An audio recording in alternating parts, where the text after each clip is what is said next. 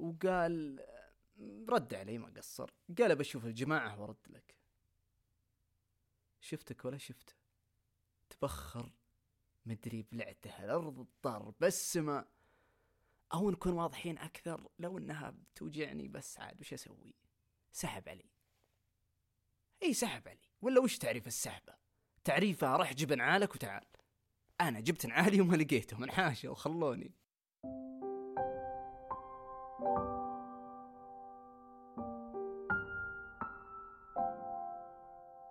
أهلا يا أصدقاء. تسمعون البودكاست على الرف وأنا خالد مساعد. ألتقيكم في حلقة جديدة مختلف طرحها ما سبق وتطرقت لهذا النوع من الحلقات الحلقة اللي آه تركز على جوانب فيها نوع من الفشل.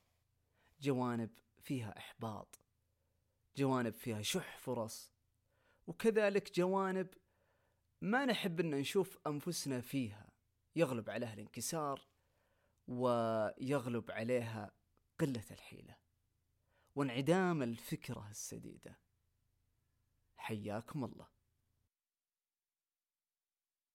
معي ضيف صاحب تجربة ورفض التصريح باسمه طبعا.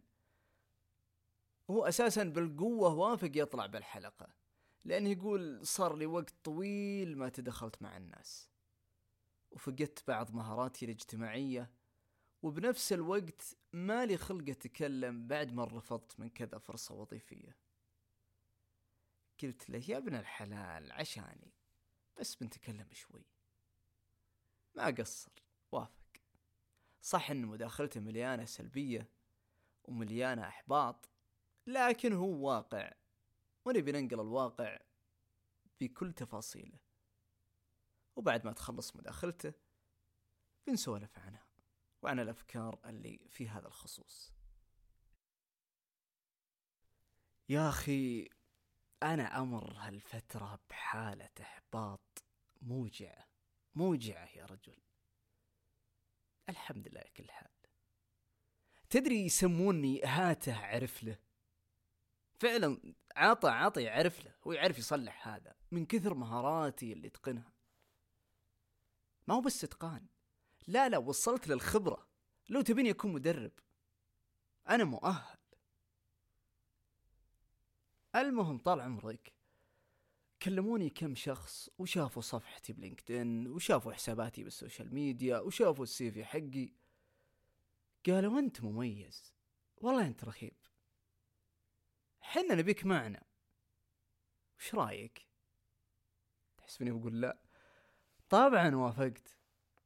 تذكر طاش مطاش يوم يقولون موافقين موافقين موافقين موافقين موافقين موافقين موافقين موافقين. أيوه أنا كنت كذا. الراتب ما يهم العقد ما يهم فلوس ما يهم. أبي أدخل أبي أشارك أبي أكون معكم. ولا أني أقعد فاضي. يا أخي يا أخي مليت. كانوا يبون مهارة من مهاراتي. يعني تقدر تقول فريلانسر كذا هذول اللي يشتغلون آه، آه، على على المشروع. مشروع كذا بسيط تخلصه أبو شهر شهرين وبعده توكل على الله خذ حقك توكل على الله. كانت هذه الفكرة. قلت يلا هل عوض ولا القطيعة؟ تحمست جدا يوم شفت الفرص. كلها كانت كانت فرص عظيمة يا أخي. بتنقلني المكان أوسع من مكاني هذا. ما تدري يمكن لو رحت معهم يمكن ما أطلع معك إلا مدير أعمال ما تدري. من الشهرة اللي بوصل لها ومن الانتاجية والنجاح. إي ما تدو. بعد أيام إي نسيت أعلمك ترى فقدتهم. كل الاثنين فقدتهم. تواصلوا معي بعدها اختفوا.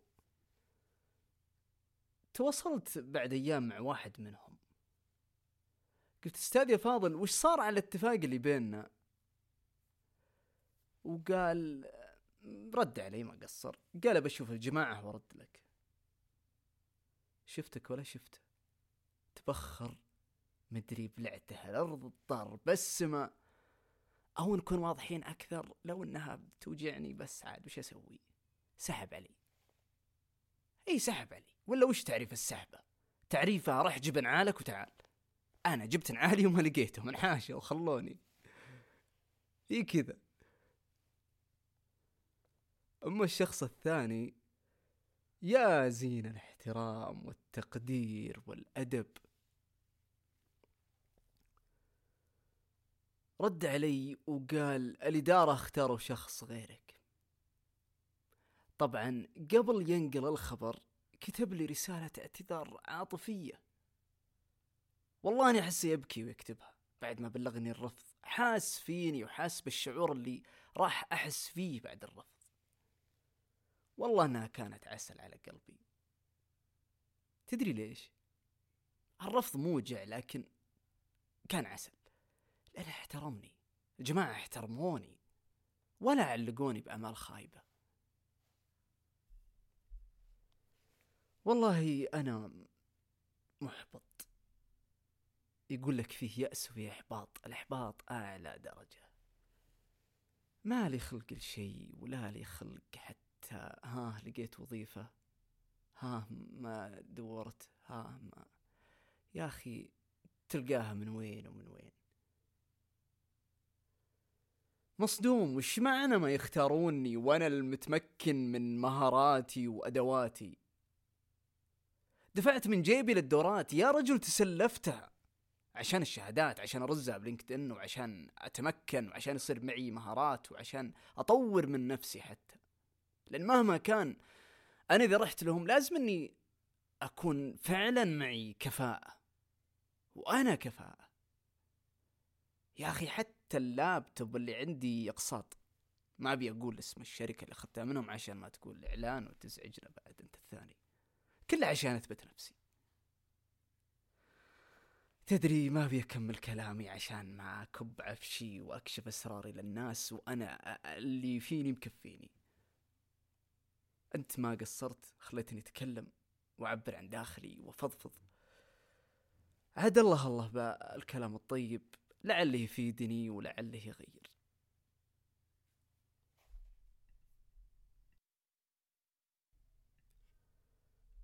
العمل من أساسيات الحياة بل هو نصف الحياة.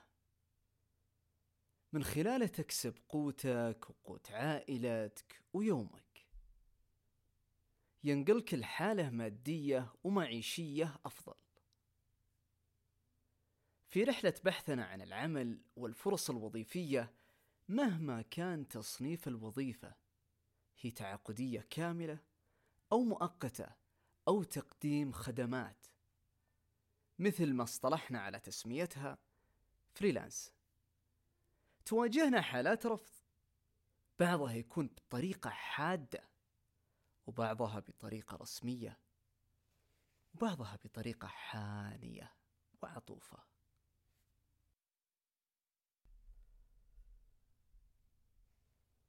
من نعيم المؤمن إنه يحمد الله عند المصائب. ويعلم بتفريج الله سبحانه لكربه وهمومه. يلهمه الصبر ويثبته ويفتح له أبواب الفرج الفسيح. مهما صار لك من رفض وظيفي أحمد الله وأسأله بإلحاح إن يلهمك للدروب الصحيحة للوصول لرزقك. الرفض رفض.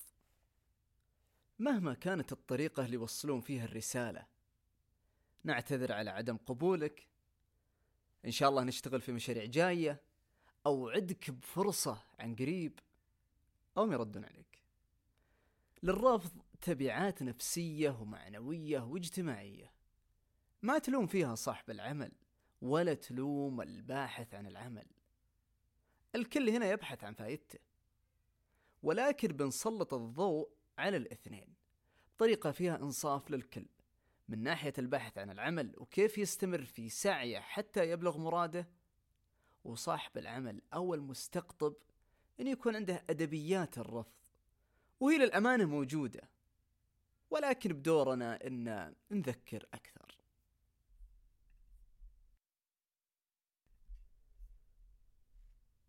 بصراحة يا صديقي المستمع هالحلقة كتبتها بعد ما جربت شعور الرفض وخسارة الفرصة.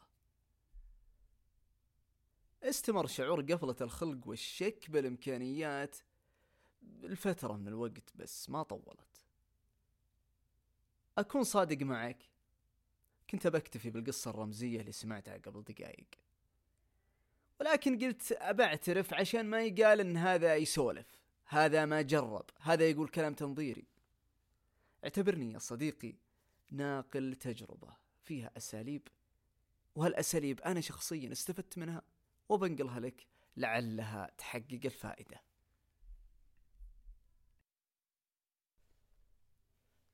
لابد أنك تعيش شعور الرفض بكامل غصته وحزنه. ولكن ولكن ولكن لا تشك ابدا بإمكانياتك. وإن اللي تقدمه عمل عادي. الحكم على الذات لازم إنه يكون عادل ومنصف. عادل ومنصف.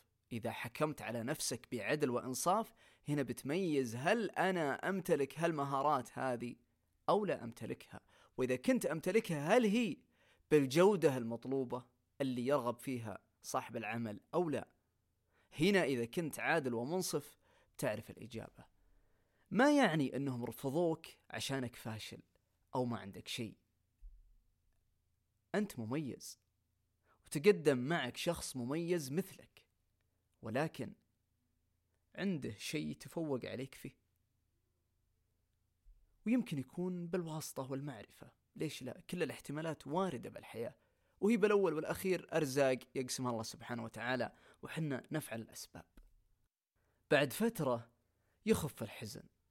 ثم تبدأ تساؤلات الشك في الإمكانيات. هل أنا صدق أفهم في هذا الشيء أو ما أفهم فيه؟ هل أنا متخصص في هذا المجال ولا بس اسم أني متخصص ومعي شهادة؟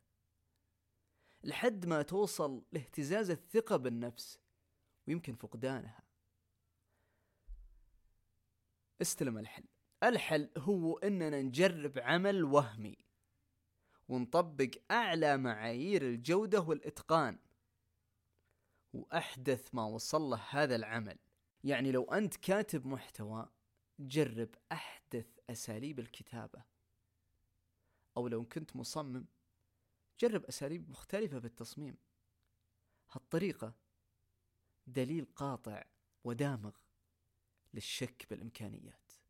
الإحباط والبقاء في نفس المكان ما هو حل.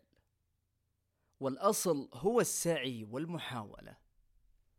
من طرق السعي العلاقات.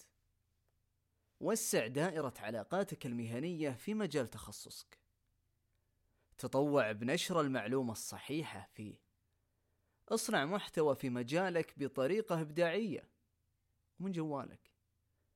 ترى الحسابات النشطة على السوشيال ميديا أصل من أصول الربح. وفرصة للعلاقات والوصول.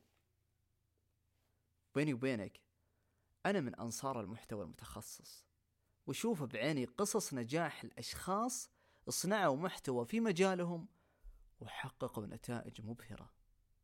التطور المهني أساس مكين لاستمرار الإبداع واستمرار الفرص المميزة. وكم من فرصة انعرضت علينا ولا استغليناها بسبب القصور المعرفي أو المهاري. كن مستمر في الاطلاع على أحدث شيء في مجالك سواء من أدوات أو أفكار أو تقنيات. هذا بدوره يرفع من مكانتك العملية وكفاءتك المهنية. احرص على الدورات اللي فيها تطبيق عملي لأن التطبيق يعطيك خبرة وتجربة. متفهم الغضب والإحباط اللي بداخلك. ولكن أنت مميز. تمتلك عقلية مميزة. حول هذا الغضب للتغيير. وامتلك أدواته. بداية من التفكير. طور مهارات تفكيرك ومهاراتك الاجتماعية والمهارات العملية. سواء في تخصصك أو تخصص مختلف تحبه. تعلم طرق الإقناع. تعلم طرق العرض. ترى حتى عرض الأفكار مثلا أنت عندك فكرة تبغى جهة من الجهات تنفذها أو تبي تعمل مع جهة من الجهات على فكرة معينة. طريقة العرض من تصميم الشرائح من الكتابة من أساليب العرض من وقفتك من كل التفاصيل هذا علم موجود تعلمه علشان تقنع. لأن المعلومة وحدها والفكرة وحدها لا تكفي إذا ما كان فيه راوي قادر يرويها ويحولها. القصة آسرة تجذب الأسماع على سيرة العلاقات اليوم الفعاليات والمعارض متوفرة في أغلب مناطق المملكة. في بعضها معلن وبعضها غير معلن. المهم إنها موجودة. جرب تحضر. وتداخل مع المتواجدين هناك. واعرض خدماتك عليهم وهذا كرتي وهذه حساباتي. تبون الصدق؟ تمنيت إني أعرف هالفكرة من زمان. ترى ما فيها خجل ولا حياء. يمكن تقول والله أستحي. تستحي إذا بتطلب شيء شخصي. لكن هو مو شخصي هذا عمل. أنا أقدم هذه الخدمة أو أجيد هذا الشيء وأنتم محتاجين أو متى ما احتجتم كلموني هي كذا هي كذا الفكرة. فلان فنان في مجال تصوير الفيديو. لكن ما يبرز نفسه ما يتفاعل بحساباته ما يحضر معارض ولا فعاليات. في سؤال كبر الدنيا كلها كيف بنعرفه؟ كيف بعرف إن فلان فنان؟ كيف بعرف إن فلانة شاطرة في هذا المجال؟ وهي ما طلعت نفسها ولا أبرزت نفسها. بنفس الوقت أنا عشان أوصي عليه أو هذا الصديق أو هذا المشترك عشان يوصي عليك. على وش أوصي؟ أنا ما أعرف هل أنت فنان في هذا المجال أو لا. ما عرضت أعمالك ما أبرزت نفسك في هذه المهنة اللي أنت تتقنها. لأن الفكرة كيف صايرة؟ أنا الآن قابلت فلان من الناس. وقلت له مثلا على سبيل المثال أنا معلق صوتي أو أنا كاتب محتوى أو أنا كذا كذا كذا في أي مجال تمام؟ إن شاء الله يصير بيننا تعاون يعطيك العافية. سجل رقمي. خالد مساعد معلق صوتي. وراحت بعد فترة بعد مدة سنة سنتين أحيانا خمس شهور أحيانا ثلاث أيام اللي يجيك رقم. هلا فلان كيف الحال؟ أنا جايك توصية من فلان الفلاني. قال إنك تقدم هذه الخدمة. وصارت علي. يعني ما أقول لك الكلام ذا من فراغ. والله أنها صارت علي. لا هي مرة ولا مرتين. هذه فكرة التوصيات. جربوها. ناجحة جدا. جدا ناجحة. العلاقات المهنية رزق. بمجرد ما تسعى فيها بيرزقك الله. وادع أن الله يسخرك للناس ويسخرهم لك. صديقي مسؤول التوظيف. دورك مهم وفعال. أكيد إن كفاءة اختياراتك موفقة. في بعض التنبيهات إذا بتسمح لي نفكر فيها بصوت عالي. الوضوح مطلوب من طرفك تجاه طالب العمل في جدية التوظيف.